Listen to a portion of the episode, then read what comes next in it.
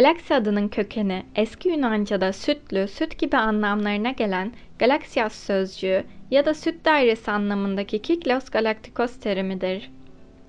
Bu terim ve dolayısıyla Batı kültüründe Samanyolu için kullanılan süt yolu terimi bir Yunan mitinden kaynaklanır.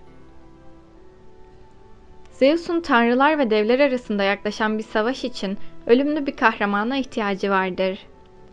Tebi sarayında yaşayan Alkmene'yi Herakles'i doğurması için seçer ve Alkmene'nin henüz yeni evlendiği eşinin bir savaş için saraydan ayrılmasını fırsat bilerek kocasının kılığına girip Alkmene ile birlikte olur. Zeus'un Alkmene'yi gebe bıraktığını öğrenen Hera, büyük bir kıskançlığın yanında Herakles'e karşı da nefret duyar.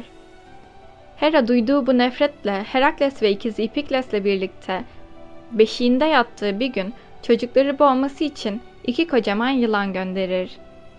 Yılanları gören Ipikles ağlamaya başlar ancak Herakles yılanları elleriyle yakalar ve sıkarak boğar.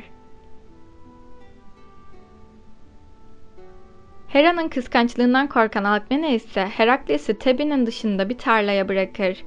Bu sırada Zeus'un isteğiyle Athena Hera'yı yanına alarak yürüyüşe çıkmıştır. Bebeği gören Athena şaşırmış gibi yaparak çocuğu Hera'ya gösterir. Hadi senin memelerinde nasılsa süt var, izin ver de şu küçük yaratık biraz da seninkini emsin der. Hera hiç düşünmeden çocuğu emzirmek için kucağına alır.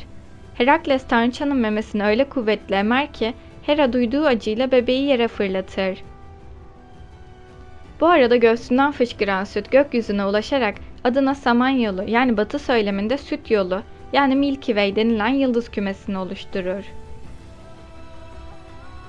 Bazı hikayelerde ise Zeus'un habercisi olan Hermes'in Herakles'i henüz bebekken Olimpos'a getirdiğini, onu bizzat Zeus'un Hera uyurken Tanrıçanın göğsünde emzirdiğini ve Hera'nın uyanıp çocuğu itip fırlatmasıyla çocuğun ağzındaki fazla sütün fışkırarak Samanyolu'nu oluşturduğu yazılmaktadır.